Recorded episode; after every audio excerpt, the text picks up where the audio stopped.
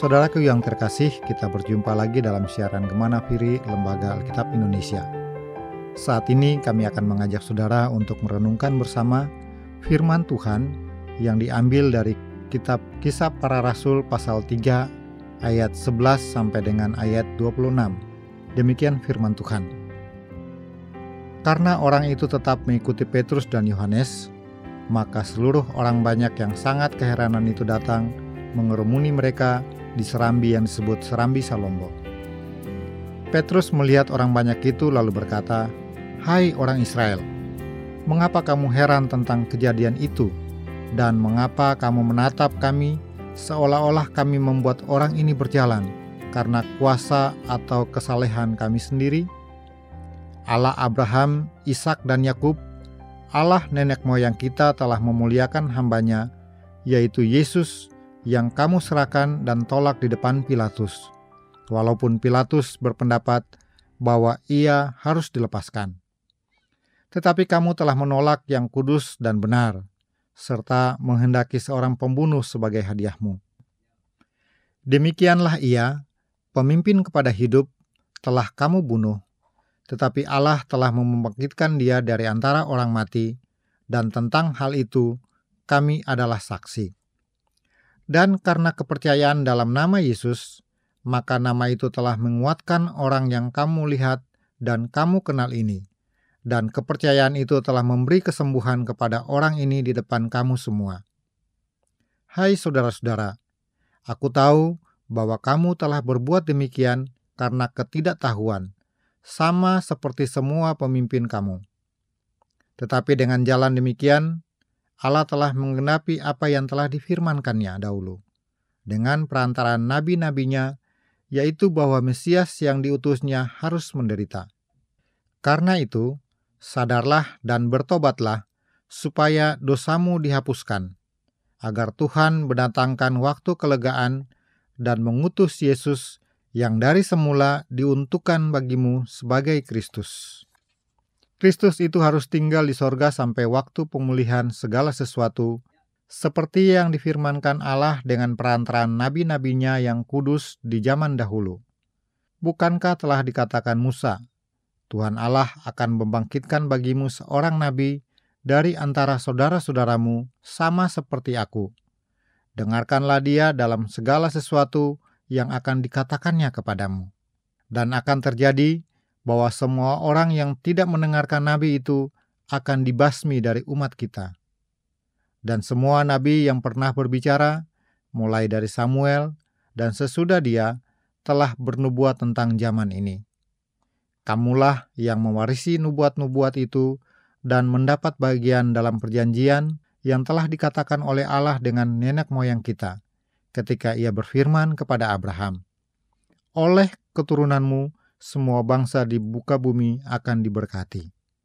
Dan bagi kamulah pertama-tama Allah membangkitkan hambanya dan mengutusnya kepada kamu, supaya ia memberkati kamu dengan memimpin kamu masing-masing kembali dari segala kejahatanmu. Saudara-saudaraku yang terkasih di dalam Yesus Kristus, menyelami kekayaan firman Tuhan memang tidak akan pernah ada habisnya sebab firman-Nya adalah firman yang hidup. Begitu mengagumkan dan begitu kayanya.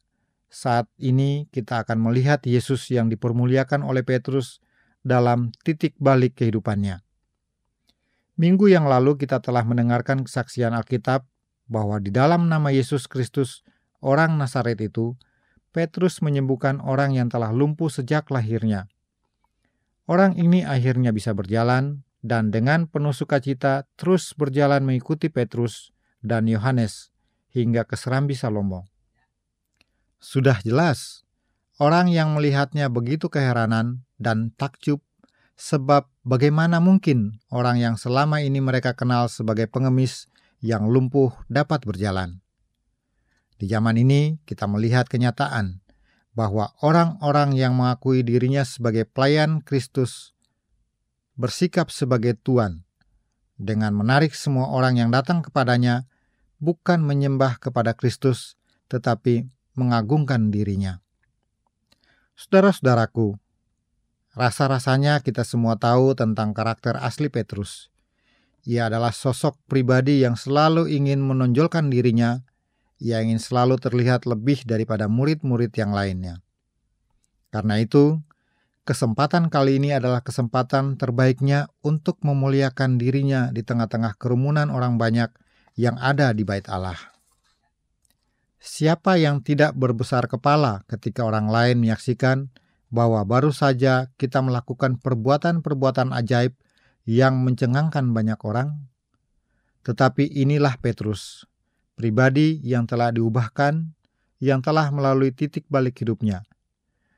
Dalam terjemahan bahasa Indonesia masa kini atau Alkitab bahasa Indonesia sehari-hari, Petrus berkata kepada orang banyak itu, "Hai orang-orang Israel, mengapa saudara-saudara heran akan hal ini?" Mengapa kalian melihat terus pada kami? Apa kalian kira orang ini dapat berjalan karena ada kuasa pada kami, atau karena kami taat kepada Allah? Dengan kata lain, Petrus mau mengatakan bahwa bukanlah dia atau Yohanes yang membuat sehingga orang ini bisa berjalan. Bukan karena mereka memiliki kuasa, juga bukan karena orang yang hidupnya saleh, tetapi oleh karena Yesus. Allah telah mempermuliakan hambanya, yaitu Yesus yang mereka salibkan, yang mereka tolak. Seorang yang kudus dan benar. Petrus mengarahkan seluruh kemuliaan dan kekaguman orang banyak itu kepada Yesus, bukan kepada dirinya. Orang lumpuh itu dapat berjalan hanya oleh karena kepercayaannya dalam nama Yesus. Saudara-saudaraku yang terkasih dalam Yesus Kristus, dalam setiap karya dan perbuatan baik yang kita lakukan, untuk setiap mujizat yang pernah terjadi dalam hidup kita, bawalah setiap orang-orang yang melihat dan merasakannya untuk memandang kepada Kristus yang ada di dalam kehidupan kita. Sebab dialah yang mengerjakan semuanya itu, dan kita hanyalah alat yang dipakai bagi kemuliaannya.